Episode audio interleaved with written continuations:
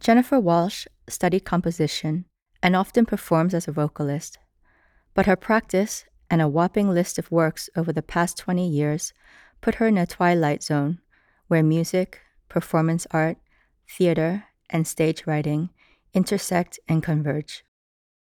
Walshe's approach to texts, scripts, and musical scores is based on a recursive process, a kind of feedback loop which includes and acknowledges all sorts of information about the text itself, the context and paratexts, which literary theorist Gerard Genette describes as those liminal devices and conventions, both within and outside the book, that form part of the complex mediation between book, author, publisher, and reader.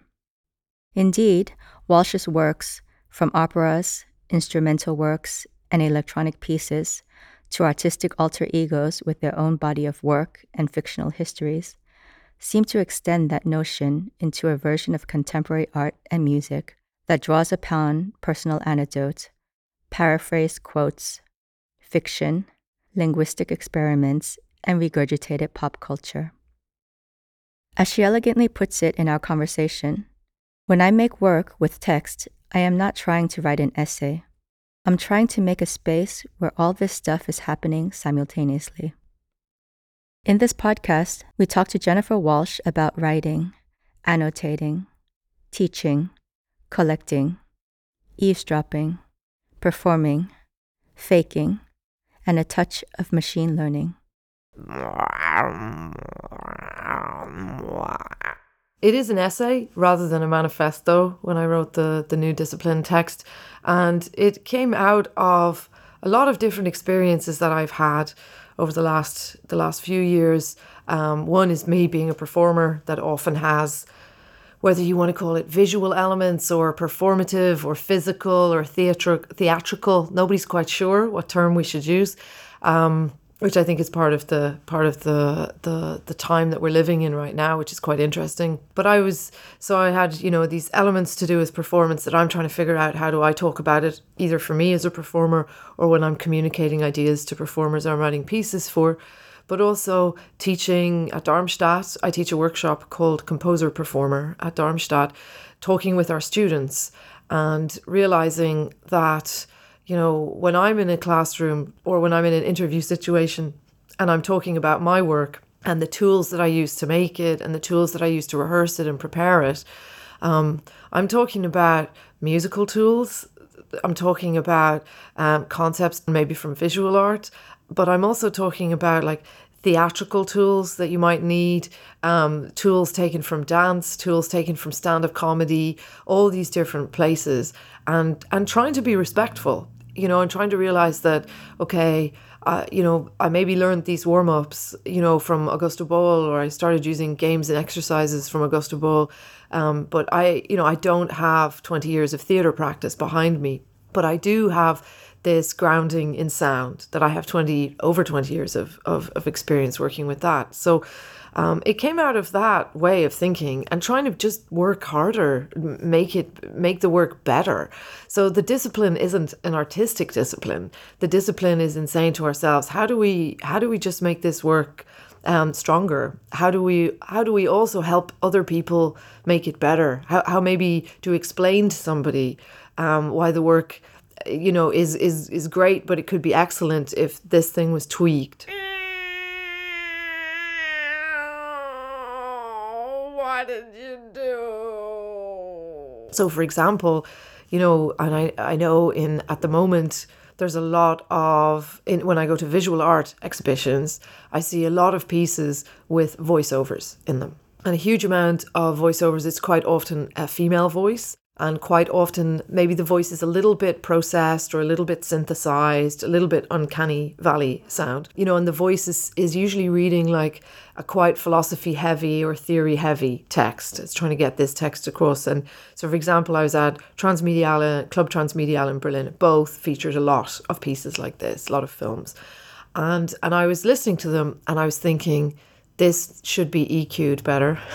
You know, the balance isn't quite right.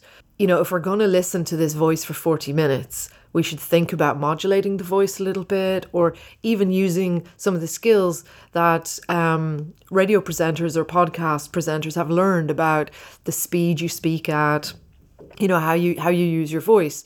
Maybe you don't want to use those tools but you should at least investigate them before you drop them you know and so so sort of those are little places where i as a musician come in and i think ah you know this is just a little bit it's deadening my ear i don't want to listen to it anymore um, and and i'm not sure that's the effect that they want or something like that so i think there's always ways that we can try and make the work better and and to try and really say well you know, in the 70s, yes, there was music theatre, and in the 60s and the 70s, you had Kagel and Cage and people like that. But they weren't talking about, they, you know, weren't saying to the musicians, you need to take dance classes to learn how to move on stage, or here's how to warm up. Like one of the, one of the most valuable things that we can take from dance or theatre practice is to actually make the musicians warm up physically. If they're going to move on stage, not just to make them do stretches, but to sort of use theatre games, dance games to sort of get their energy up uh, so that when they go on stage, they feel ready, free to move. In 2000, and I went to Darmstadt for the first time, I won the prize there. And I used some of the money to take uh, theatre improvisation classes at the Piven Theatre School in Chicago because I was doing my PhD there. And that was really eye opening for me, a completely different system, you know. And at the same time, I'm doing free improvisation but there was no connection between those two worlds. So for me, it's to try to connect these worlds together. And I do think there's a level of interest in this because the one thing that I think where it does differ from the 60s and the 70s and previous music theatre is really in an acknowledgement that there's very different bodies on stage and that a violinist is not always a violinist. And, you know, musicians are used to writing down indications in scores like violin one or oboe two and a lot of the music theatre pieces that I would have learned, they're saying, you know, like in a Kagel quartet, the you know the first violinist should go and look over the shoulder of another player, but it has extremely different effect if that's a man looking over the shoulder of a woman than if it's a very short woman, you know, looking over the shoulder of a very overweight man. Um, and those those things were never talked about when I was a student. We never talked about what it meant that the musicians have different bodies, they look differently, that the bodies have different meanings and associations, you know, and that we're reading the bodies differently depending on what we see of their gender, ethnicity, whether they read, you know, as heterosexual or queer. And those are the things that I feel. I, I feel my students are interested in talking about, and that, that this is part of the sort of current socio-cultural moment that we're in where we're trying to figure out different bodies and what they mean and actually try and talk about the fact that um, we read different bodies differently on stage because music for a very long time has sort of gotten away with saying no we're all dressed in black you know and it's just about the music. It's not about the people playing it. We know that that's that's not true because if we were able to accurately turn our sight off and not ever let gender, for example, into an evaluation of music, we wouldn't need blind auditions in the orchestras. And if you have to have blind auditions because people whose job it is to find the best player, like that's that's all they're trying to do is listen as hard as they can to find the best player and they can't see past you know the the implicit bias the unconscious bias that they feel then how is the average concert goer expected to, to sort of deal with that? So instead of instead of pretending that that isn't there let's just acknowledge that it's there. That doesn't mean every piece needs to be theatrical or visual or gestural. It just means there's an option to sort of maybe involve that acknowledge it Maybe this is a period in time when we simply acknowledge it and it's a way of making everybody feel welcome on this stage. You know, um, so I don't know what comes next after this. That's I hope to be around to see it because I, I I'm excited by by by different developments. But that's that's sort of where my thinking is right now. And I notice that I often end up um, we often end up like not just a composer performer at Darmstadt, but in other places, um, quite naturally attracting students who are non-binary. You know, students who don't present as as as um, as binary gendered. Um, also, students who are queer or just you know interested in in queer aesthetics because they see this as a place where we really are acknowledging those physical realities of the body um, and dealing with it.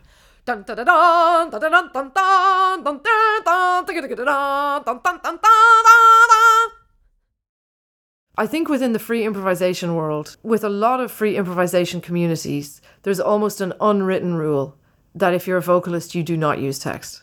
And, and I think especially like there in a way at times when I started out improvising, I never even questioned it. It was just a given. And because I didn't come from a position as a trained singer, all the extended techniques that I've developed have been through free improvisation and through trying to imitate other people and trying to match my vocal timbre to other people. I didn't think about text originally because I was only ever working, you, know, with instrumentalists or electronic musicians. So I was just trying to make those sounds. But I do think that there, for a lot of people, there still is this unwritten rule that you don't use you don't use text.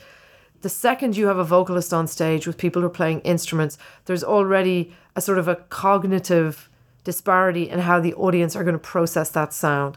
Because, like it or not, our brains are wired, in like in a hierarchical sense, to prioritize a vocal sound over everything else. So already you're contending with that is that the audience, whether they even try to ignore the vocalist, their brains will just continue because that's the way, you know, since they were in utero, you, you know, the voice, that's the presence the voice has had. So, so there is this slight disparity the second you have a vocalist on stage. The other thing is that the vocalist is probably, even if they don't look at the audience, there will be the sense that they're visually perhaps more connected to the audience simply because they're not looking down at something. They're not looking down at, you know, electronics on a table or looking down at a drum kit. Their face is up because if they're like me, they're trying to face a microphone. So even if you have your eyes closed, there is just that, again, just that tiny little bit more visual connection with the singer.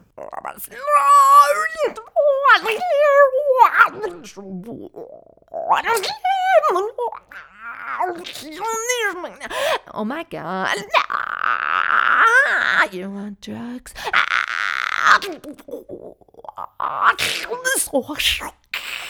There's also a whole bunch of stuff going on in people's brains when they're processing sound um, that's coming from the voice that is different to how they're processing regular sounds. And a lot of it is really weird and horrible and sexist. So, for example, if you have men and women and you play them recordings of conversations where so there's been these studies like where they have a conversation they have a, they record scripted conversations where women are speaking 50% of the time. And the, it's between a woman and a man and she's speaking exactly half the amount of time. And if you play that to people people say the woman was was speaking way more than 50% I think the, the figure is that if you lower the amount of participation to 30%, the men say, oh, yeah, she was speaking half the time. So there's also that sort of stuff going on. So in the free improv world, for a long time, I never used text.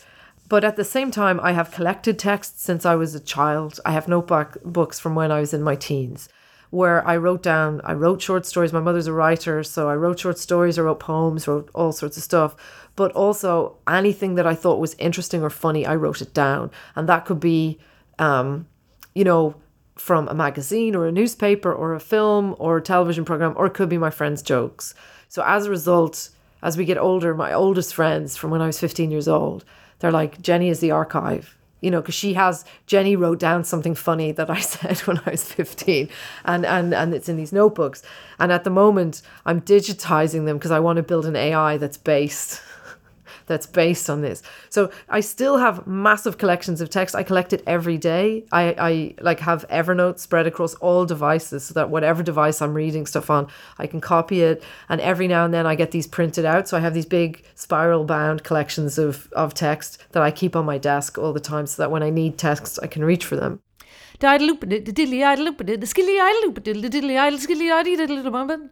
Like that. I'm a terrible divil, as we would say in Ireland, for writing down overheard conversations. I love being in really obnoxious, like hipster cafes because people like talk very loudly and the conversations are hilarious and you write it all down. I have many conversations I wrote down from the macrobiotic restaurant in New York in Greenwich, uh, not in Greenwich Village, close to Union Square, because I used to take a class in experimental film at the New School and I would always eat my dinner there. And there would always be these horrendous internet dates all around me of like people who chose to go to the macrobiotic restaurant for their first internet date, having these tortured conversations. And so my notes from the film class are covered. Are just covered in, in transcribed conversations from the macrobiotic restaurant. So it's but it's fascinating to me because this is how real people speak. And I was reading an article by Elena Ferrante, and she was saying that she's trying to just write what people say, but when she records them and she listens back to it, she hears things. You know, she hears when you write it down, it looks clear, but when you hear it spoken by somebody, you hear hesitancies, you hear tangents, you hear change of emotion, change of tone, stuff like that. So I'm interested in all of that because it's very alive. But I never, as an improviser, it wasn't until I worked with Tony Conrad that he said, I don't understand why you aren't using speech. Like, why aren't you using text in your in your improvisations? And I sort of thought about it, and I and I was going, but you're not supposed to. Like, nobody does that. And and he said, you know, oh, for next time you need to write a text. And then from that point on, I started using text with him. And with MC Schmidt, I use text a lot when I when I improvise with him. But it's also clear to me that this isn't a standard free improvisation practice. So there's specific people that I would do it with because they either think it's an important in the case of Tony, and I think people who knew Tony's work like just from his drone his drone stuff, they found it quite shocking that I would use text um, because that to them, you know, transgresses the drone space. Whereas Tony, his attitude was, I've been doing the drone stuff for ages. Let's do something new on to the next thing. What's, you know, this is fresh. Let's try it. So I think text is amazing because it gives you this opportunity to engage with the way people speak right now. You can sort of, by slang or by just looking at what people are talking about or how people say things, you have this opportunity to give this really distinctive flavor to the current moment that you live in. I have a new piece that's written using AI, and one of the movements is it used all the text from Gwyneth Paltrow's website, Goop, and all of the Goop newsletters. You know, so you have this text where it's saying things like, in my quest for innovation in the wellness space, I found this pea milk. You know, and when you say that, it sounds like, yep, 2000 teens. You, know, it sounds very much like that time. So there is this ability of text to engage with right now. Of course, I write down things people say because my mother's a writer and she does that. I sort of have always felt you will do it and you try to be respectful. You try to make sure that people aren't identifiable. But the whole thing is that truth is a thousand times stranger than fiction. You, you know, is a million times more interesting. And so listening to people talk is actually important because you can't make up the way that people talk. You have to hear them. So I put it all in there. I think it's really important.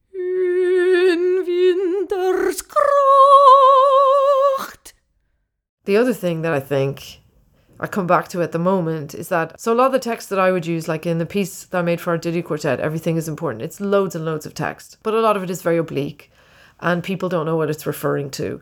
Uh, or, or, or maybe they'd have to actually spend some time thinking to, to figure out um, because it's just clips, you know, here and there. But in the this most recent piece made with AI, this it's um, it's a piece called "Is It Cool to Try Hard Now," and in that piece, um, there's some things which are more clear the way that I'm saying them. And it was funny because I had, after I did that piece in London, I had dinner with Amnon Wolman, who's a very, very good friend of mine, also was my mentor, my composition teacher. And he said, maybe now is a time when we need to say things clearly.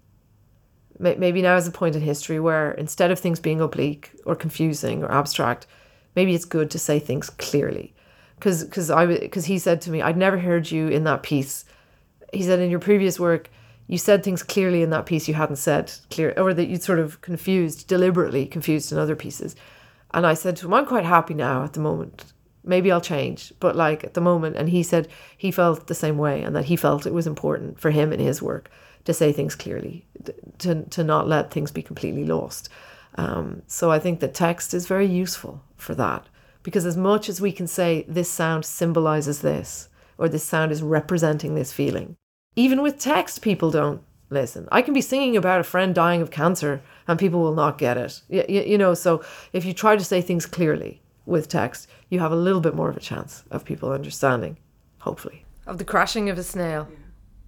To make it. Yeah.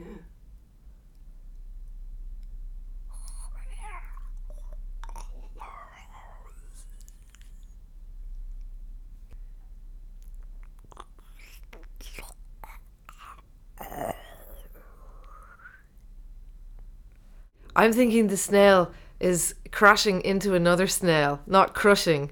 But was, I, I, as I did it, I wondered if I had the right, if I heard the vowel correctly, because I was thinking, well, a snail would crash into something very slowly.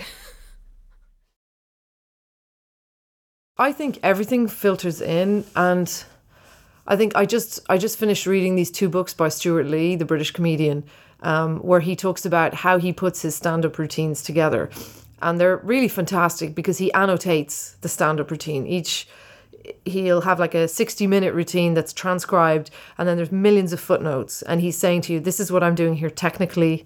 This is this reference to this idea that i had about the show.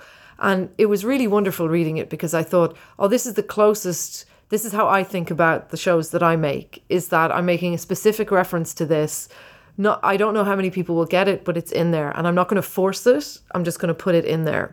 And then maybe this is a reference, this is a quote maybe from an essay that I read, or it's a badly phrased quote, or it's a quote from a from a like a theoretical essay, but somebody's shouting it like they're drunk and they're having an argument.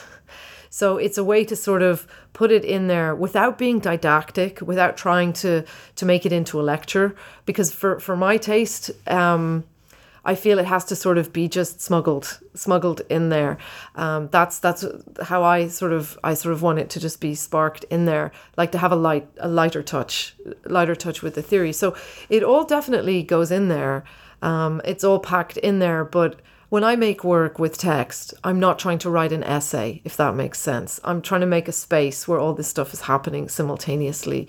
So it's just a way, at the end of the day, it's all a way of talking about being alive. So, for example, in the Arditti piece, there's one section, that, and this is a quotation a very, very close friend of mine froze her eggs. And, um, and she made me the legal guardian of the eggs in the event of, of, of her death. And so there's a part in the piece where I'm saying, like, what do you do with them?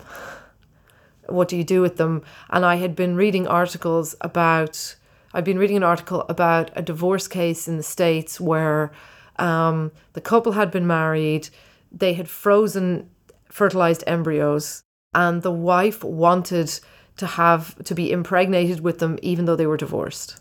And how do you deal with this legally? You know, and the husband was saying, No, it's over. Our relationship is over. You cannot bring a child into the world that I don't want. And she was saying, Well, there are babies and they're frozen and, you know, I don't want them to die.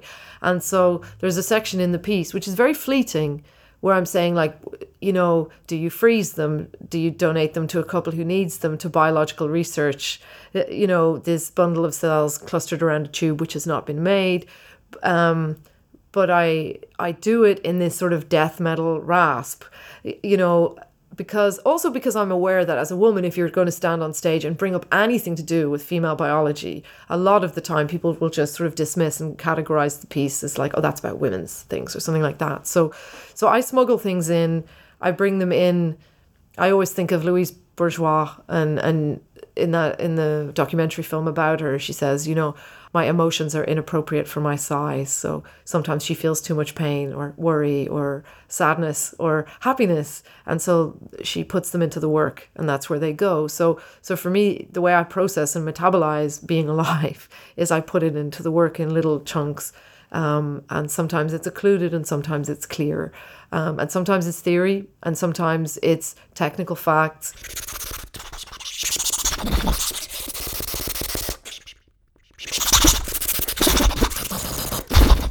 So the only other thing that I would do would sometimes I would switch format if I want to maybe it's fun sometimes if you're really trying to get some clear data let's let's say data driven ideas over to people it's fun to switch format and have like a, a fake powerpoint for a couple of minutes to sort of really try and get a couple of facts across or something like that. Um, so you can sort of do that with the film part graphically, with the way that you use your voice. You can sort of switch mode into into sort of um, into sort of BBC radio presenter giving you information, and then switch back into, you know, um, totally high guy that I saw on a street corner in Manhattan screaming, and I, you know, and and and I've always remembered his weird speech.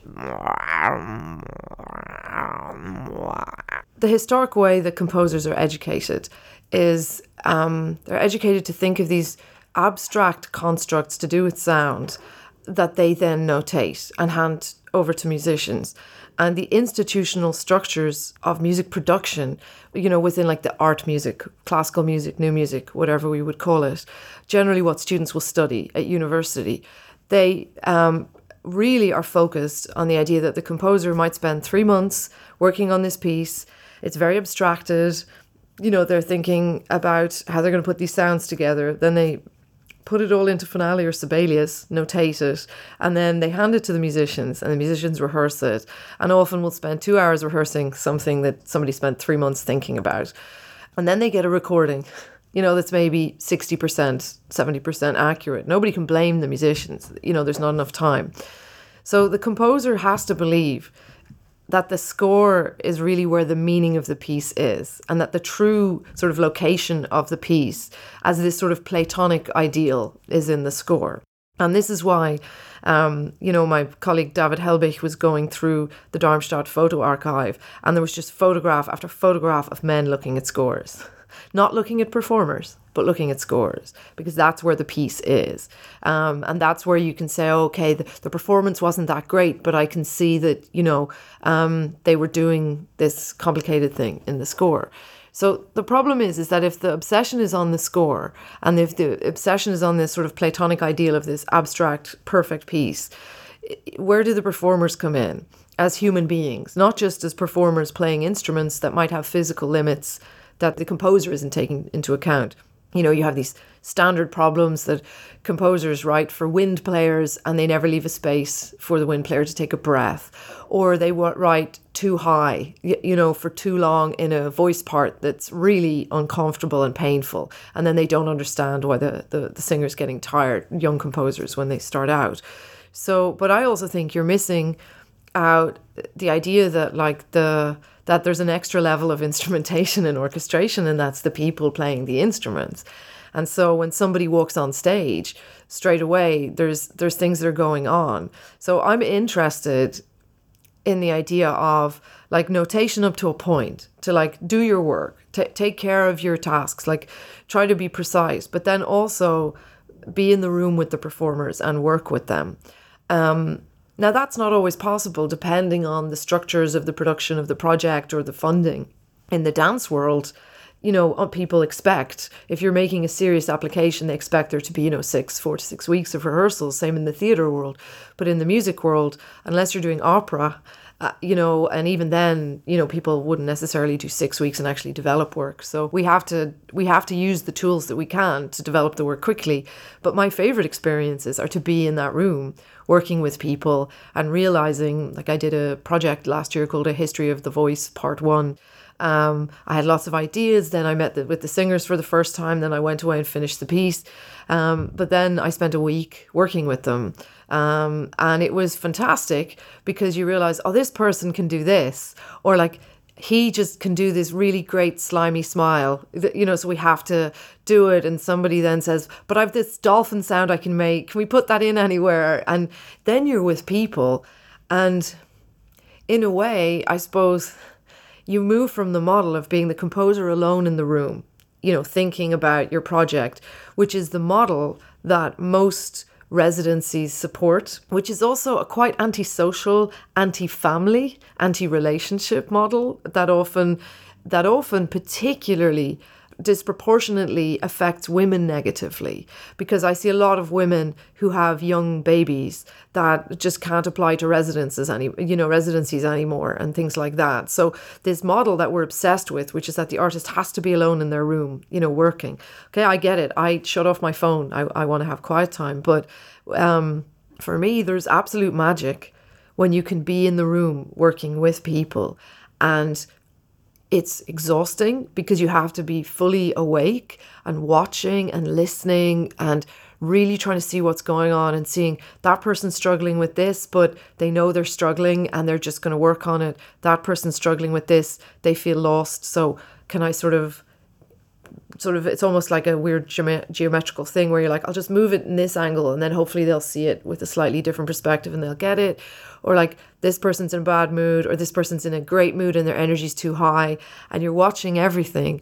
And for me in that moment you feel completely connected with people and it's a way to be compassionate and it's a way to extend to, to see to see other people and let them know that they're seen and let them know that you see them and that you see if you see when they do a fantastic job? You see when um, they want to be challenged and you can push them more. And maybe in that moment the platonic ideal it's not this concept that's in the score but at some point whenever i've done these longer rehearsal periods there's this moment where you just get something magic. And it's often like on a rainy tuesday afternoon that seems like a day that isn't like it's like any other day and just something is just perfect and beautiful and moving. And you realize that the piece will be to try to get back to that you know the, the performance with every performance you'll try to get back to that moment and you'll circle around it. But you all got to experience this thing together in that room. So i'm very interested in that space of what happens in that room. And that for me is is political because it's about extending compassion, trying to see people, trying to be patient with people, and really recognizing that um, they're different. People are different. Bodies are different. You know, we can't. I can't talk about the body because the body is an infinite amount of different things. So that for me gives us a chance to to think about taking then that compassion and that sort of trying to see other people, really trying to see them, get past our idea of what our piece is about, and actually see through that to the people that are going to do it. And if we can do that, then we can start to, you know, or not start to, but but it should make our job of trying to be compassionate to each other outside of the room, you you know, easier.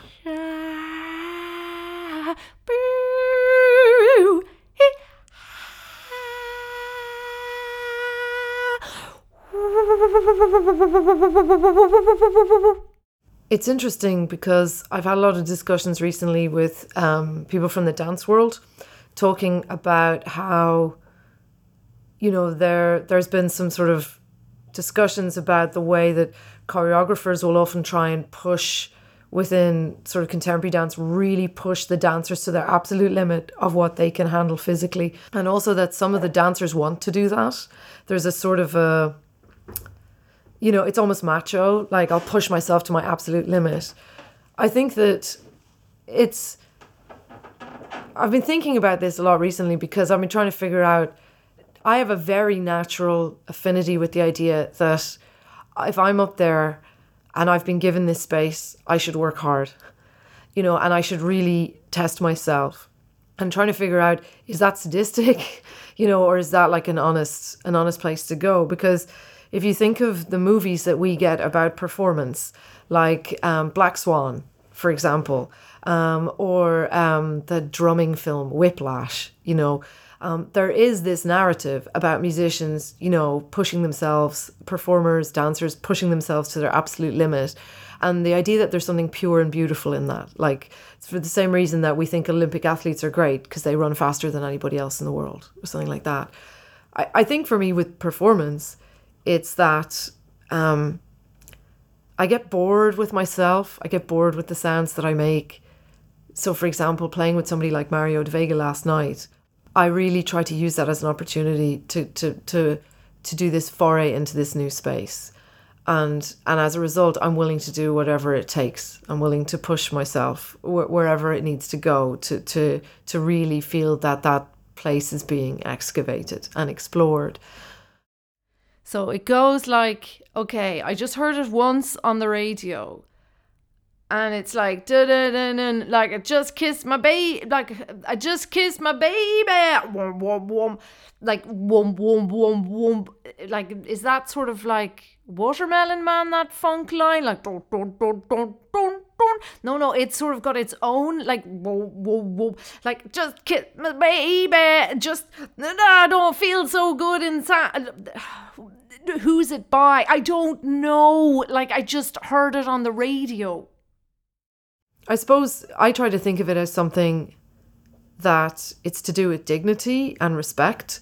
In this day and age, as my granny would say, the idea that people will sit and watch you do something and they won't be on their phone, or maybe they won't be on their phone, you know, maybe they'll only be on their phone a little bit. But the idea that people will sit and choose to give you attention and choose to sort of to say, okay, I'm going to sit and I'm going to listen and watch, I sort of feel like I have to meet that respectfully and recognize that that's a beautiful thing, um, especially because you know they can watch a zillion other performances on their phone if they want. They can you know they can just not even leave their house if they want. So I try to meet that by by bringing you know by bringing 100% to that and that 100% often ends up pushing into that territory my definition of post internet is drawn largely from sort of I trace it back to Marisa Olson using this term in an interview in Time Out magazine with Cory Arcangel. Um, and she definitely used this concept. You know, she was saying it's work that I make after I've surfed the internet. So I've sort of surfed the internet and then make this work. Then Gene McHugh expands really well on it in this blog he wrote called Post Internet. The, the way I explain it to my students is I say, you know, post internet is work that's made when the internet's just embedded in everyday life. The internet is part of the infrastructure. It's like saying electricity or something like that. So it's not that the internet ended, it's just that as Gene McHugh says in his blog, it stopped being an exciting place, you know, and something that we just were in all the time and had to deal with um, all the time. So, but one thing that I think is like the internet now is getting to be more about images and video, but the internet does fascinating things with text. So for somebody like me, Twitter is just a gold mine. It's fascinating. The idea that the epigram became an important cultural cultural sort of unit of our time is bizarre. Um, the I follow a lot of people on weird Twitter who have nothing to do with music, just because the the Twitter accounts, what they do with language is really fascinating. These new forms of making jokes, um, new slang, all these things are completely amazing to me. So. Um, that is a very interesting way of monitoring what internet is doing to language and how language is shifting and how we communicate is shifting. I don't know if this is the sort of the golden age of it, because I know all the big social media platforms are desperately trying to optimize everything they're doing for video now. You know, and they they that's that's a really important part of it. And there's like apps coming out that will automatically subtitle your video because a lot of people are watching it on mute, you know, on their phones in the queue at Starbucks or whatever. Uh, so I'm curious how that might shift. But uh, to this point, for me, text is a very good barometer of what the internet is doing. Um, culturally, it's almost like a canary in a cold mine. It's like uh, giving us this early warning of how things are shifting and how jokes are shifting. Um, uh, so I find it very interesting for that reason.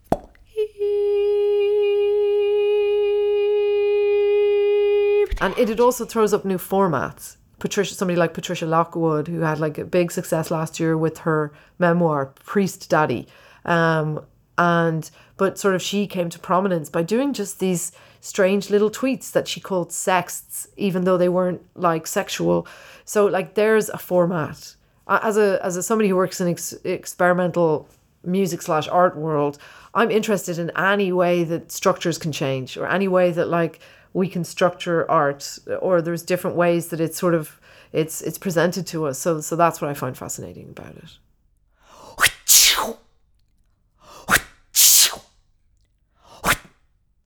He said yes, but I said no. Well, then yes. The things that I'm interested in at the moment, in terms of like what I'm excited by, because whenever I go to students, I always say to them, like, tell me what you're excited. Like, what are you excited about right now? And I'm very excited about text, and I'm very excited about what what's happening with text, with the internet, um, with just sort of culture, and I can see it happening over the internet. Um, but in particular, at the moment, I'm very, very curious about what machine learning is going to do to art. And so I have people in London, AI Club, uh, you know, that I meet and we talk and we come up with a lot of even speculative AI projects which will never be made, which we just sort of discuss because we consider that an important thought experiment about what AI can do. But also, I'm working with, um, I have some guys writing me code to make neural networks that will write text scores for me, which has been a dream of mine for a long time because um, I'm very interested in the idea of a text score. But as I, one thing that I've struggled with over literally the last 15, 20 years has been that a lot of text scores that are written in terms of the vocabulary, the syntax, the style of the language, almost nothing has changed since the 60s. It's it's the same format, even the same adjectives or are being used. And that I find that as somebody who's interested in language deeply frustrating uh, because I feel like it's almost like a neoclassical style that we're locked into with text scores. So I've been doing experiments, little Twitter experiments where I had where I tried to imagine that I, I was a hipster writing, you know what I mean? Like a 24 year old cooler than cool, like person writing text scores to see how the language would change. Um, but then also using Markov scripts, like Markov chain generators, to sort of take pre existing text scores and pump them through these and then like edit the results and get new text scores based on that output. Um, but my dream was always AI and um, neural networks that can either take these collections of text I've had since I was a teenager and and start to to to build new text, but also taking pre-existing text. So at the moment I have a project that I'm doing just for fun, just because I wanted to do it, where I have people transcribing the key historical corpus of text scores so that we can feed them into neural networks and and like a machine learning guy making me the code so that I can train neural networks on different I can train them on text scores, but I can also train neural networks on like Donna Haraway and Mary Wollstonecraft and H.P. Lovecraft and Edgar Allan Poe. Weird corpus. Because normally within AI, you train character based networks on like the Bible, like because it's there and it's a text file and it's in the public domain. So I want to I want to start training neural networks on like feminist that their basic core, even if they're writing text scores, the way they learn to think about language was through um, you know, Mary Wollstonecraft or Mary Shelley or people like that. Um, so that's a huge thing. And I'm doing a project with Memo Akten where we're doing an AI project together. So I, I find more and more that I'm very fascinated with tech. I'm reading a lot about tech all the time, not just the actual technology, but about like the culture that creates it. So like the VC culture in Silicon Valley, reading loads of interviews with Marc Andreessen and people like that because that's what's going to define what the rest of our lives is going to look like. What those small group of people are doing is going to affect everything there is to do with our lives. And I really do believe, I know there's always this debate over when there's going to be very good AI, but I really believe from a lot of the discussions I've had with people that over the next, say, for, the, the figure I've always been given recently is like 40 years, give or take 15 years, um, that there will be AI that doesn't have a theory of mind, so it won't pass the Turing test, but it will still be able to create art that we won't be able to distinguish between art created by this AI and art created by humans. So I feel very strongly that we're sort of the last generation that gets to play and dream and think of what it could be before it's there. So that's what I'm very interested in the moment is is these sort of speculative futures I think that it's very important that we dream futures that are positive and not dystopic. It's very easy right now to just decide that we live in a dystopia and everything's going to get bad. And there's almost a fetishization, I think, of that by certain people, certain intellectual circles that like the future is doom and everything that was ever good has already happened. It's not.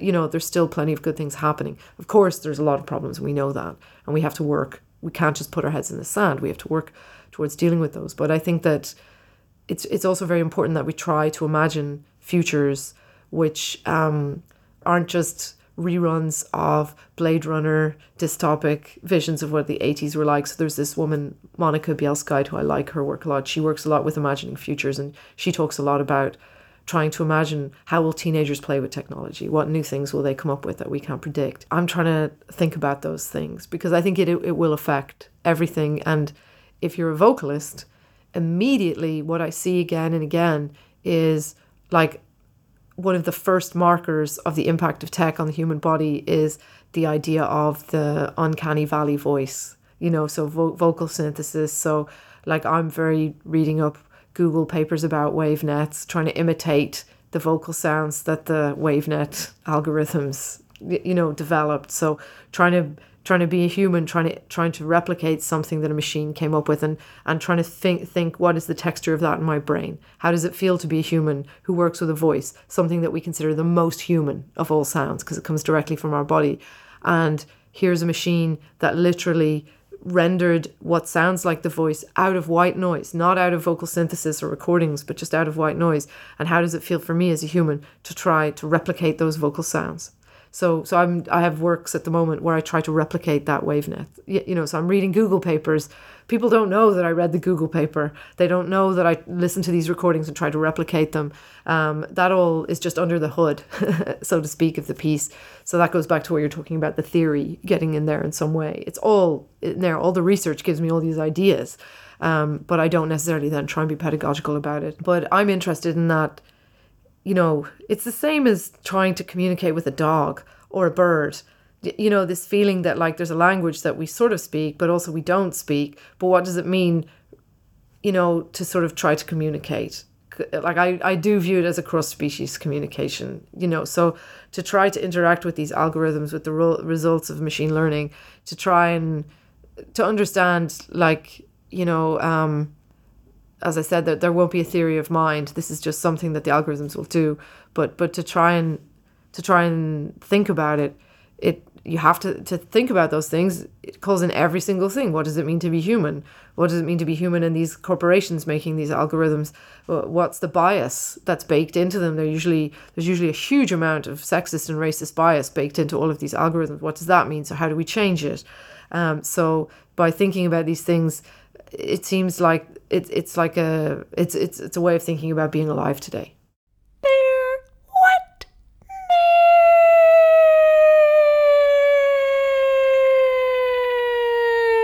Future reloaded. Want bye bye.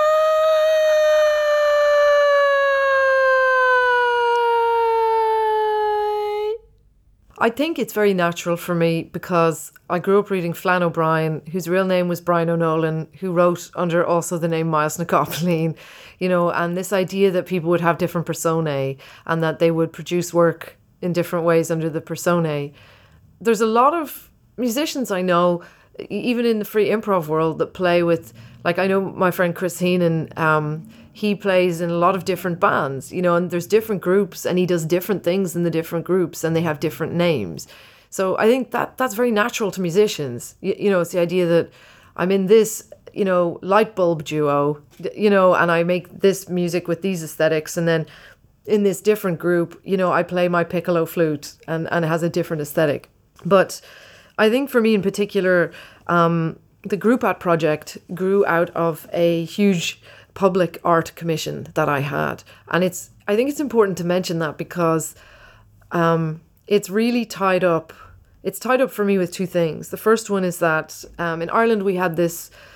You know, when I was growing up in Ireland, it was very poor. Everybody was emigrating. It was twenty percent unemployment. It was not a good, not a good scene. Um, there wasn't a lot of opportunities for music at third level, so a lot of people just left. Like now, people will stay and study, but at that point, they were leaving.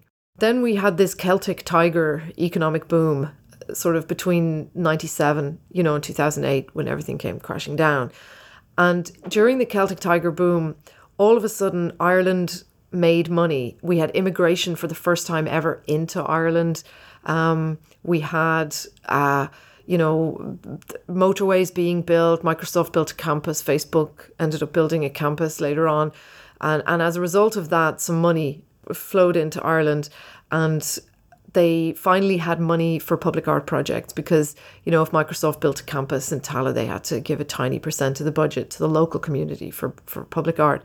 So, in the midst of this sort of Celtic Tiger madness, when things were all of a sudden there was money in the country, and it was a very, very rapid economic shift. For my generation in particular, it was, you know, we grew up you know, and where, you know, you just sort of got on with things and all of a sudden there's kids with Louis Vuitton handbags and latte bars and people are eating sushi. Like like there was a cultural shift and that there's like restaurants opened in Ireland with types of food nobody had ever eaten before, you know, and there was immigration. So we went from a country that was almost exclusively white Irish to all of a sudden loads of Eastern Europeans, um, Chinese people, lots and lots of different ethnicities moving in and, and Irish people having to adjust very rapidly you know what I mean? To the idea that all of a sudden they had a multi. It's all very well to talk about having a multicultural society when it's just a bunch of white Irish people in Ireland. It's very different. You know what I mean? When when people actually immigrate into the country for the first time, and all of a sudden you're on the receiving end of you were never on this receiving end. You were always the person going to the other country or whatever. So it was, it was quite an intense time in Ireland in lots and lots of different ways.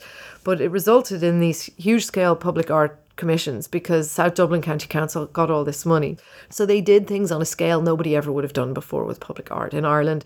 So the budgets were huge, and I was able to do a project where I invented nine alter egos, all that lived in and around South Dublin County Council area, um, and and it was it wasn't overseen by um, contemporary music people.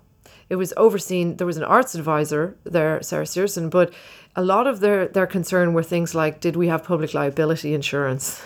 you know, um, because there was just a budget there, and they gave me a salary for two years. I could just do any crazy thing that came into my head, and I didn't have to think, does this fit into a standard music commissioning procedure, or does it fit into like something I can tour as a free improviser? I just was really just based on what I wanted to do, and what I wanted to do was create this experimental sound collective because my idea was that I would create the people I wished you know had were growing up were with me when I was growing up with the hope that some kid you know um, would think oh there's all this weird stuff going on. You know I can make my weird stuff. It's not just that the weird stuff is going on in New York you know or Berlin or someplace. It's it's also going on here.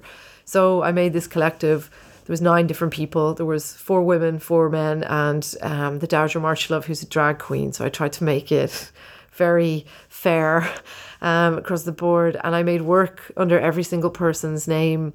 I I kept it as secret as I could. I would tell people who were curating, you know, that this is by me, but we'll use this different name. So um, it was really interesting for each of the nine people who are very real to me, you have to understand and they're real to my family. Like my family will ref- will say things like, "I got you this bracelet. It's really Violetta," you know, because Violetta is my outsider art kitsch, like ki- super kitschy um, alter ego. So so I made work and I sort of apportioned out different even colors, textures, medium, aesthetics technical ways of making work to different alter egos. So I knew, okay, with Turf Boon, I want to make Max MSP pieces and I want to make these drawings that are based on Shaker community gift drawings. Or with Violetta, there's going to be all this research into Catholic reliquaries, African reliquaries, and it's all going to be about this sort of conceptual veneration of sound as this sacred, beautiful, holy, kitschy object. So there was all these different territories. It was like sort of making a map and dividing things up. Um, and it was completely liberating because I would do a concert then, let's say, because the work in the Grúpat project ranges from you know compositions for my voice, for other people, to sound installations, to films, to fashion, to drawings, sculptures, all sorts of different things. Um, so, but one of the aspects would I would maybe play a contemporary music festival, and I would do a program that had a piece by Detlev of a piece by Ukeoirn O'Connor, and a piece by Jennifer Walshe, and they're all by me. And people would come up and say things like, I really hated the Estonian woman's piece, but I loved that Japanese guy's piece. And they would speak to me in a way which was much more, more open because they didn't know I'd written all of these pieces. So that even that was very interesting because some of the times the comments people made had just little you know, sexist, sexist undertones or racist undertones or something like that. Because I tried to vary. I tried to have immigrants in. It was important to me to have immigrants within Grúpat that had immigrated to Ireland that weren't actually Irish. So the the whole process was very liberating. Um, I it was a very serious project. It wasn't supposed to be funny or fool people, and people, and certainly it wasn't supposed to fool people, and people would feel that they'd missed out on a joke. Like I wanted all of the works to really stand you know, by themselves. So it was a huge amount of work.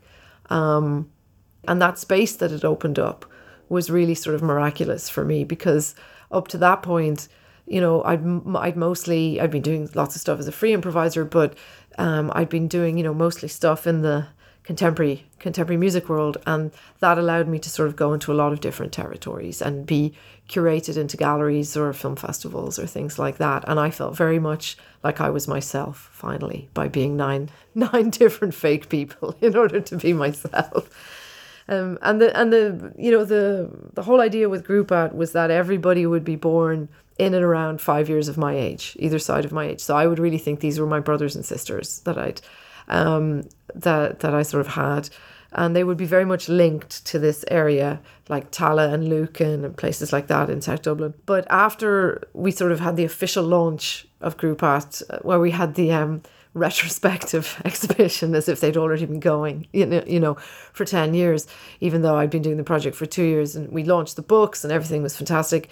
What I found was that I was, I was feeling drawn to this idea of historical um, figures. Now, you, I, I don't think you can call them alter egos when they're dead. It's sort of confusing. I think if it's an alter ego, they sort of have to be alive. So I call they the people in Aisteach I call personae. so it's slightly different. But um, what I kept going, what I kept thinking then was this idea of historical figures because Grúpat I'd done an awful lot of research. There are a lot of great artists in Ireland working now who were born within five years of my age. So it's not like I felt oh there's nobody. There's certainly excellent people like Vicky Langan you know doing great stuff in Cork or David Stalling there's loads of people doing cool stuff. Um, but particularly I started to really feel like we didn't have this history this these this historical stuff. So you know, we didn't have Dada in Ireland. I couldn't find any evidence when I researched that there had been any Dada in Ireland, for example. And there had been composers in the early part of the 20th century. A lot of them were upper middle class composers who went to London to study. And they wrote some very beautiful orchestral music, but some of it I really felt that they were pushed you know, you'd see these Irish composers who went over to London and then were encouraged, like wrote pieces like a day at the Galway races. So it almost felt, almost felt to me a little bit almost like this self colonization. You know, you can go over to you can go over to London and study orchestral music, but you could should write some nice, colorful Irish, you know, music about Irish folk, almost like the Celtic revivalists or something like that. Um, and I was sort of looking through and seeing we've got all some great historical figures, but where are the weirdos? Where are the real avant garde, you know, edge edge cases? And I couldn't find those. And so I just thought I need to write this history so that um, I need to write it with the belief that it exists already in a parallel universe where, you know, there wasn't an oppressive church and the country wasn't really poor and um, you know, they weren't locked in a, in a civil war or in struggles against uh, colonialist occupying power. Um, so I thought if I make this history and if I invent it, um, maybe I can sort of access this in the quantum universe. I can access this parallel this parallel universe where it did exist, and also maybe we can try and use completely rewriting history as a way to think about it, a fresher way to move forward. So I had a lot of collaborators for this project, and it was fantastic because almost anybody that I talked to about the project would say, Oh, you could do this, or they'd come up with an idea. And a lot of people ended up coming onto the project, you know, just because they wanted to write something, because they liked the idea and they liked being involved. And I was very lucky. I got a bunch of funding from the Irish Arts Council to actually do this project. Um, but still, people were saying, I want to do it, even if there's no money left to pay people, because I want to be involved. And that was really beautiful because I realized this idea of the Irish imaginary. Everybody was a Flann O'Brien fan, Flann O'Brien fan as well.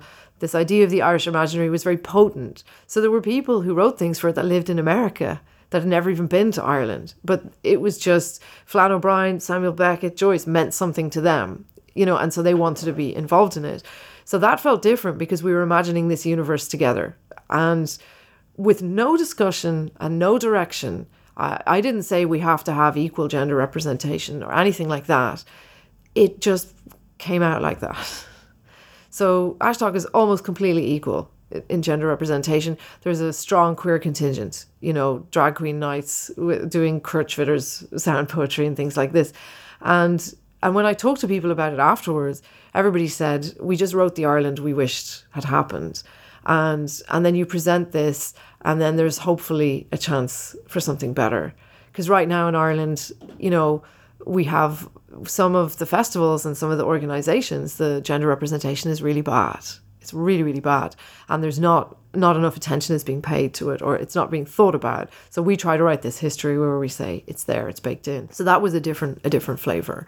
And and it felt it felt deeply political as a result of that. Like just but the the politics just came baked in. We didn't have to think about it. What we were thinking about was what are these amazingly beautiful ideas we wished existed and how can we research that territory to try and find little cracks in the in the rock of history where we think that could have happened.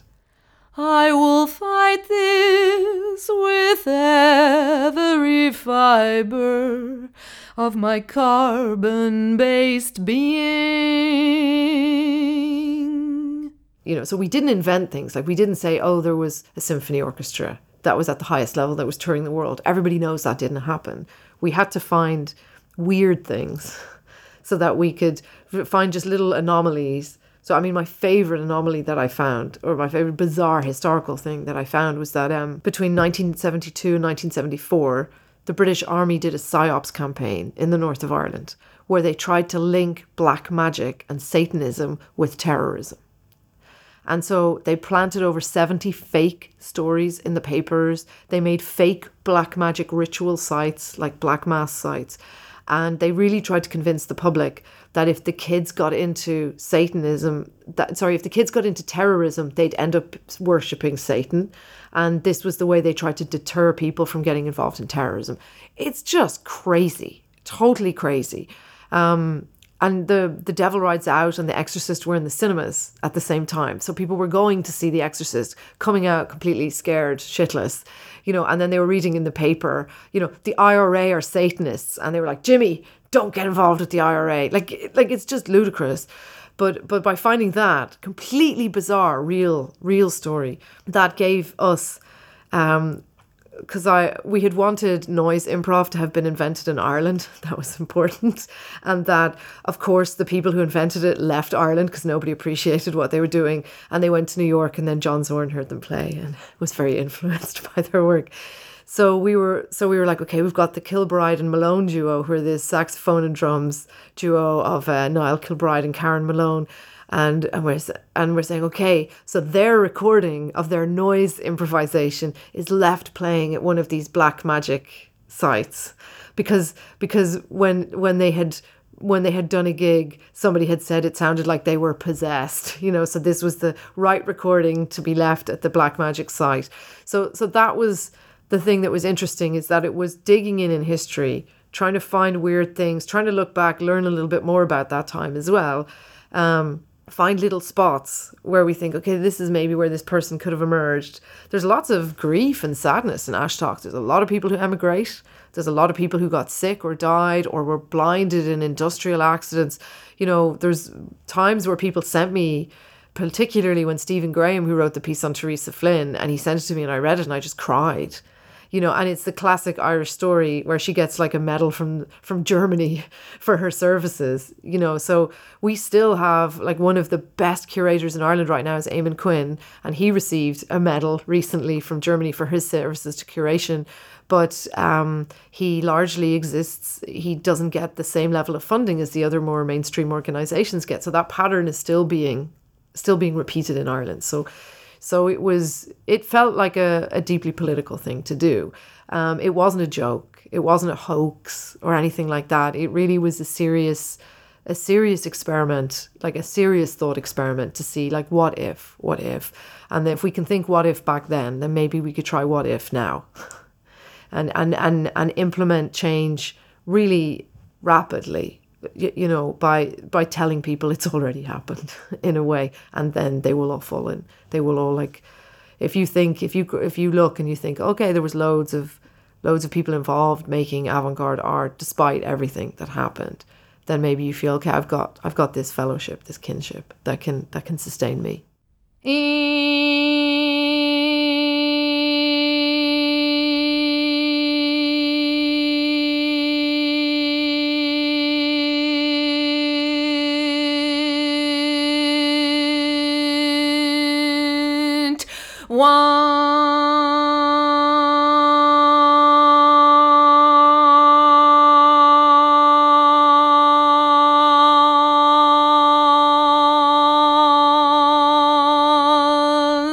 I think that um, you very quickly, if you do this wor- sort of work, you come up very rapidly against your ideas of what stereotypes are. So, for example, one of the identities in Grúpat is the Park Service. His real name is Dermot uh, Fitzpatrick, but he goes by the Park Service. And with the Park Service, for me, he was really this sort of quintessential, you know, too cool for school, like sound art bro you know, and that was very clear to me from the start. And in a way, it was sort of fun to try and inhabit that identity. So to think, okay, I'm going to try and think like the sound art bro would think. Oh, yeah, he would do the sound installation in the burnt out car on the wasteland. He would hack the museum guide, you know, the museum's audio guide. He would just go in and just do that. And that was sort of liberating to sort of think, I'll just think like I could do this. I'll act like, you know, they say fake it till you make it. like, so I thought I'll just inhabit that space for a bit. And I found that really liberating and really interesting to just say, okay, make those choices as if you're that person. Then, of course, you don't want to make every alter ego like that. So you're trying to inhabit these different spaces. You're trying to just try and think differently to see what comes out.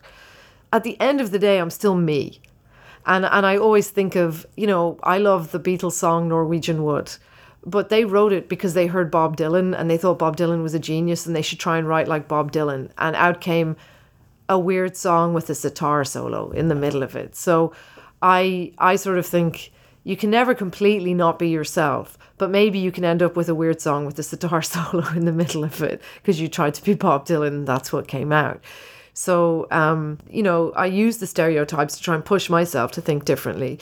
But then also, you try to back away from stereotypes and try and do something a bit different. The other thing is that it's really useful to, at times, to play with the stereotypes because the audience react in a very specific way.